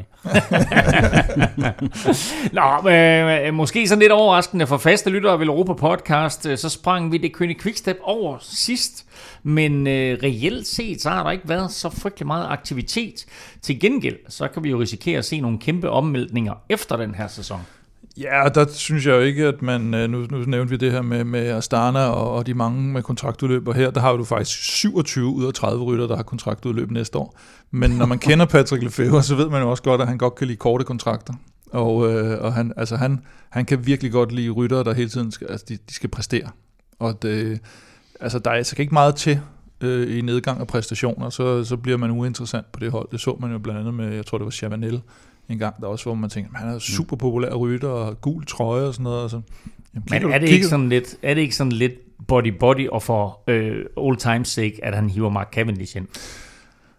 Jo, Han har fået ham til spotpris i hvert fald. Ja, øh, ja, og det, han kan jo godt lide, at han har fået ham til, til en billig penge formentlig, og det vil sige, at din upside er jo, altså øh, chancen for en upside på ham er jo ret stor i forhold til, at du kan ikke rigtig tage så meget ved det. Han er lidt af en købmand, ikke, Lefebvre? Jo, ikke? Hvis du, det- det kommer, kan hvis du kommer og spørger efter en lønforhøjelse, så kan du bare finde et andet sted. Og det er ikke det, han... Nå, så Cavendish ind, øh, det samme med Josef Tjerni, og så en enkelt mand ud, og det er Bobby Jungels øh, Stefan, der er røget til. Asje Døsa. Ej, hvor lækkert! Han bliver en del af klassikertruppen derovre jo. Nå, så skal vi til det, Kim. FDJ, det franske spilfirma Frances de Jeux. Øh, de står i hold, øh, eller står i spidsen for hold med samme navn. Det er jo faktisk spil på heste, Frances de Jeux. Øh, men det er det. Nå, det vidste jeg faktisk ikke. Nå, det er det. Øh, men man kan sige, Ved det er ikke så hvad? mange nye jockeys, de har hævet ind på holdet. Ja, ved du, hvad hest hedder på fransk? Øh, Cheval. Cheval. Og sådan er det hele vejen igennem. Hvem sagde det? Det gjorde H.C. Andersen. Han har lært dig noget i dag. Fransk Ja. er nemt. Hest hedder cheval, og sådan er det hele vejen igennem. Det kører ledersporet, jeg. Det startede du. Nå, okay. Godt. Jamen, øh, de har fået, øh, øh, hvad hedder det, øh, eller der, de har afgivet Marc Sarro, øh, sprinteren, til øh, Agideur. Og ja, og ligesom det, sådan, sådan er det hele vejen igennem, så er det, det siger det. Er bare- er det det, vi har Jamen, det, er om- det, mest, det er det mest interessante. Nå. Og, og når det er det mest interessante, så skal vi ikke gå længere ned i, i dybden med de Du andre mener ikke, der er nogen grund til at gå i dybden med dem? Nej. Øh, det polske skofirma CCC, de trak stikket efter sidste sæson, og øh, i stedet så er franske Vanti Gobert nu blevet en del af World Touren. Ja, de har, det er sådan en slags øh, Israel Startup Nation Light, altså hvor man, hvor man satser lidt på nogle, øh, på nogle navne, som øh, er et, godt stykke op i alderen, og, øh, og som måske, måske ikke har set deres, øh, deres bedste resultater. Der har vi øh, gode gamle Rein Tardame, som vel er den mest uforudsigelige rytter i feltet. altså, hvis, man, hvis nogen har prøvet at, sidde sådan at sætte sådan nogle managerhold, så har det altid været sådan lidt, tager du ham på holdet, så, så udgår han efter to dage, og, og hvis ikke du gør, så, så vinder han lige pludselig en bjergetab i Tour de France. Så har vi uh, Luis Meintjes, som jo også er sådan, altså, ja, jeg ved slet ikke, hvad On off, mest off. Ja, mest, mest off, øh, nærmest off. Øh, og Jan Hirt er nok øh, sådan den mest interessante. Øh, så har vi altså Danny van Poppel og Jan Bakkeland, så sådan nogle... Øh, øh, af deres toprytter i truppen, og det, og det er sådan lidt en overskudsfabrik for, for, for de store belgiske hold, der så havner derovre. Ikke? Altså, det er det meget sjovt, at du lige kaldte Danny van Poppel en toprytter. Det, det kan faktisk på, på det her hold. uh, nej, men altså... Øh, Toprytter på et sådan, sådan, sådan er det, når, når man kommer ind her. Altså, de har selvfølgelig overtaget CCC's licens, øh, men er jo stadigvæk, hvad skal vi sige, en af, en af, et af de dårligste mandskaber, og måske også et af de mandskaber med, med, ja, med færre penge. Ikke? Jeg synes jo, de har, gjort, de har fået chancen også med, med noget wildcard i Tour Jeg synes jo egentlig, de har gjort sådan god væsen af sig, og de, de kører altid fornuftige cykelløb og sådan noget, men det er sådan lidt en sjov samling af, mm. altså det, det virker som sådan lidt en, en, en, en blanding af alt muligt. Øh, og sådan er det også typisk med de, de mindre belgiske hold, det er også sådan på sponsorfronten, så er det sådan en sammenskudskilde af, af en lille lokal, øh, hvad ved jeg, øh, cementfabrik, eller et eller andet terrasse køkkenfirma, eller sådan noget, ikke? Og det, det har sin charme, og så sidder der en eller anden med et for lille slips og, og forhandler løn nede i en container eller sådan noget. Ikke? Og det, det, sådan er det. Og det, der tror jeg, de er sådan øh, toppen af dem, og så ligger der en underskov af sådan en hel masse hold. Øh, der, der, der, der er alt muligt. Vi er i hvert fald i den situation, at Vanti Gobert nu er en del af World Touren. Øh, Lars Bak, kører ikke længere for Lotto Sudal, men øh, det belgiske mandskab der, de fik måske lidt øh, smag for danskerne, og, øh, og ikke mindst, øh, hvad skal vi sige, deres øh, udholdenhed, fordi øh, Lars Bak var både skarp øh, på enkelte etaper, men også i det antal år, han kørte for Lotto Sudal. Så de har hentet, Stefan, en af dine gode venner ind.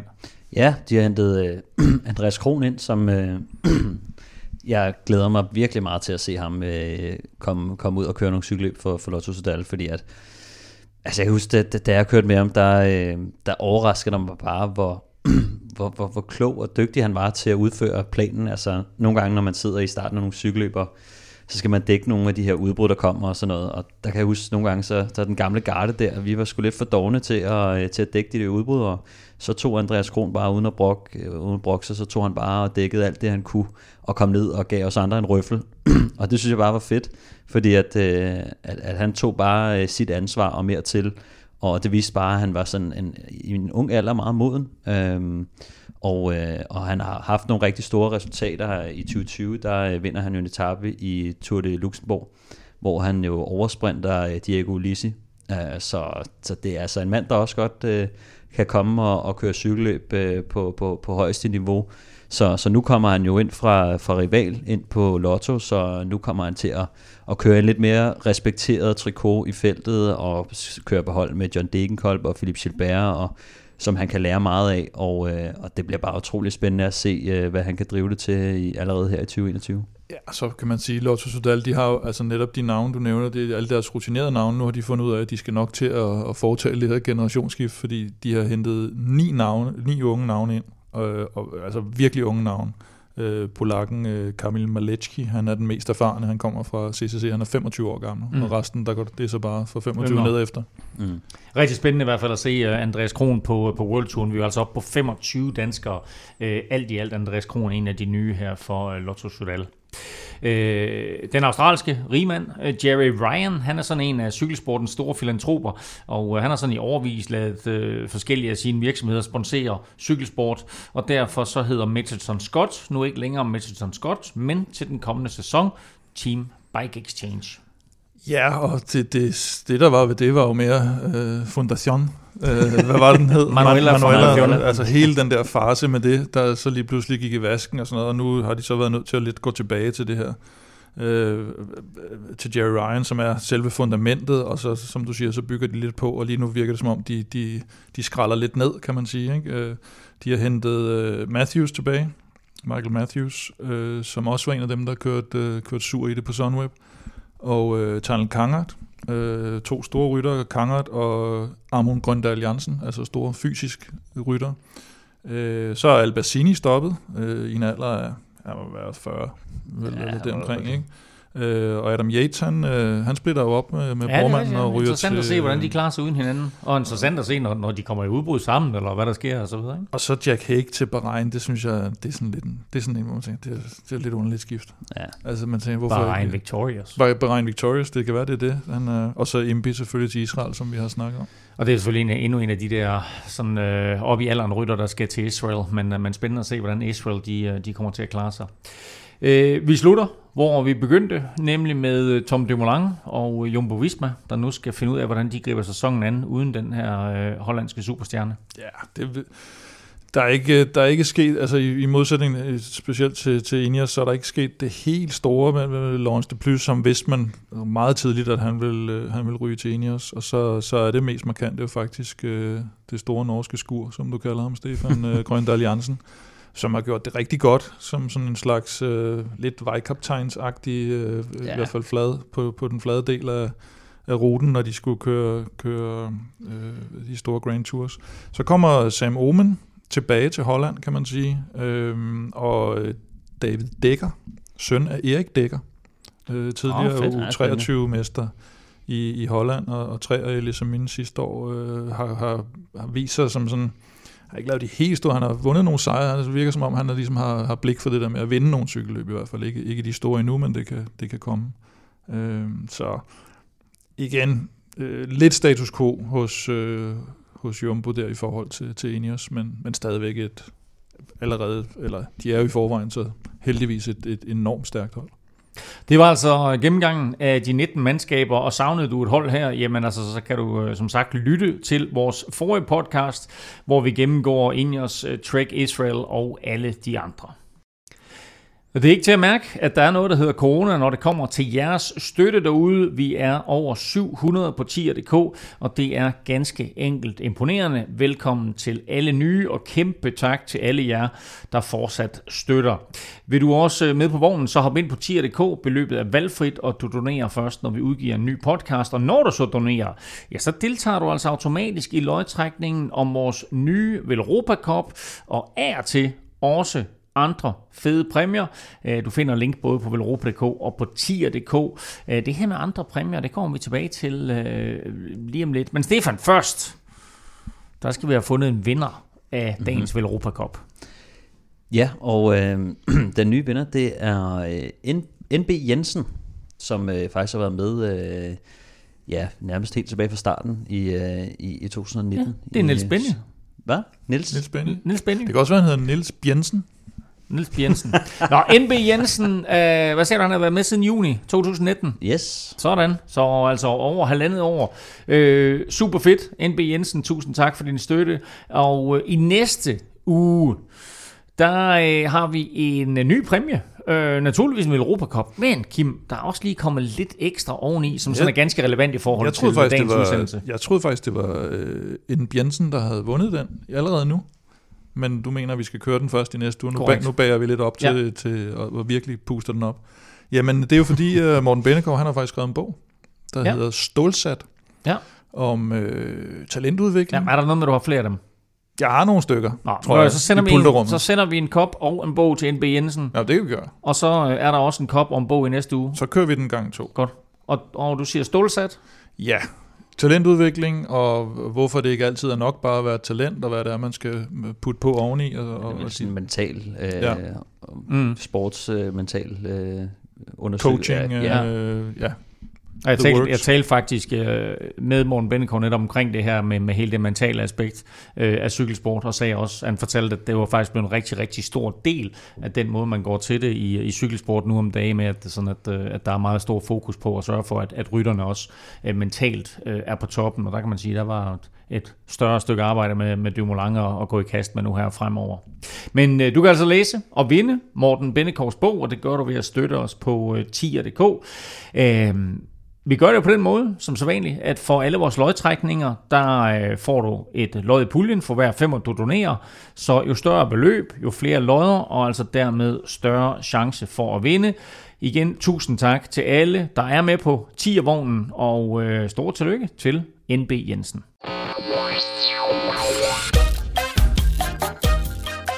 Og nu skal vi så til måske det allervigtigste i dag, og det er naturligvis, at vi skal have fundet vinderen i quizzen. Uh, det står 1-0 efter øh, sidste uge, og dermed så har du serveretten, Kim. Øh, serveretten er ikke så ikke rigtig kan bruge Jamen, serveretten er ikke væsentlig i dag, Super. fordi øh, jeg gav jer begge to et stykke papir tidligere, og en øh, kuglepen, Ja, øhm, og øh, den kuglepen Kim fik, den virkede så ikke, og så kiggede han på mig, ligesom om jeg prøvede på at Det snyde, ham Det er igen. bare, det er, det er hver Hvad, eneste hvad der gang. havde været væsentligt, det var, hvis man havde lavet sådan en deep dive på Dumoulin og, og tjekket op på en masse enkeltstartsresultater. Det ja. havde måske været Ja. ja. brugbart lige i dag. Lige der, der kunne der være brugbart. Anyway, jeg skal lige bede om jeres sædler. Øh, quizspørgsmålet var naturligvis, øh, hvordan så podiet ud i, øh, ved OL i 2016 i Rio? Øh, og jeg tjekker bare lige, jeres, øh, hvad I har skrevet op her, øh, og så får I lov til selv at læse det højt bagefter. Øh, Du skal regne med, at den, den første, der tror du, det er noget, men det er det ikke. Det er fordi, det var fordi, at Stefan ikke skulle kigge efter. Okay, Så det er hans øgenavn. Okay, godt. Jamen, Hvad- øh, du du får den skrevet? der, og du får den der. Godt. Speedy Jones. Øh, Kim, vil du læse højt, hvad du har skrevet på de tre pladser? Jeg har skrevet øh, et Tony Montana, Ja. to Rowan Dennis og tre Chris Froome. Ja, og Tony Montana, det er Tony Martin. Det er Fabian Cancellara. Det er Fabian Cancellara. Hvorfor, Hvad? hvorfor er det Tony Montana? Fordi det kaldte han sig selv. Det ville han gerne have skrevet på sin cykel, fordi han synes, det var Det sådan var- intimiderende over for de andre. Det var hans pornonavn. Tony Montana. T. Montana. er det rigtigt? Godt. Så. Cancellara 1, og Det er ham fra Scarface. ja, ikke? Cancellara Ja. 1, og hvad havde du to? Jeg har Rowan Dennis. Jeg vil ikke have skrevet Ja. Tony Martin. Jeg tager Rowan Dennis, og så Ja. tager jeg Chris Froome som træer. Godt. Jeg Stefan? har øh, Tony Montana også, øh, nummer et. Ja. øhm, Spartacus hed han jo også, ikke? Det havde han faktisk Jo, på sin jo, cykel. det, det er sådan lidt mere Ja. ja. mainstream navn. Fabian ikke? Cancellara øh, vandt, det kan Ja. jeg huske. Ja. Øh, Tom Dumoulin blev nummer to, Ja, det er jeg også ret sikker på. ja, Og øh, treeren, den, der, der har jeg Rowan Dennis. ja. Jeg vil sige det på den måde, I har faktisk kombineret jer fuldstændig frem til det rigtige podie. Og ja, det er Dumoulin 2 og Froome 3'er. Ja, Cancellara 1'er, Tom Dumoulin 2'er, og Chris Froome 3'er. Jeg troede, at du havde fusket sådan, at Tom, Tom Dumoulin slet ikke havde fået en medalje. jo. Der er ingen fusk her. Øh, og det betyder faktisk to point til hver, og dermed så fører Kim, øh, eller så Nej. fører Stefan altså, øh, jeg er meget overraskende. det havde været fusk. Øh, nej, to point til hver, og dermed så fører Stefan altså 3-2 herefter. og Så to jeg beholder den ubrugelige serveret. Øh, nej, jeg skal, jeg skal sørge for, at den er, den er brugbar øh, i næste uge. Vi er ved at være ved nået til, øh, til vejs ende her, men øh, inden vi vender tilbage, der kan du måske lige øh, hoppe ind på øh, Twitter eller Instagram og følge Kim og Velropa. Det sker på Snablag Velropa. Øh, også det samme på, på Facebook. Og Stefan finder du på Twitter på Snablag Stefan Djurhus. Undertegnet finder du alle steder på Snablag NF Elming. Husk at besøge vores nye shop på velropa.dk. Den ligger på shop.velropa.dk. Så hop derind og øh, se nogle af de øh, Øh, fede t-shirts med mere, vi har derinde. Øh, og ved du ikke helt, hvad du skal lytte til lige nu, må jeg så anbefale NFL-showet, hvor jeg sammen med Thomas Kvartrup tager pulsen på NFL, hvor årets Super Bowl jo venter lige om hjørnet. Tak for nu. Tak fordi du lyttede med. Tak til dig, der støtter på tier.dk, og tak til vores partnere Zetland og Otse fra Danske Spil. Monsieur, nu som fini. thank you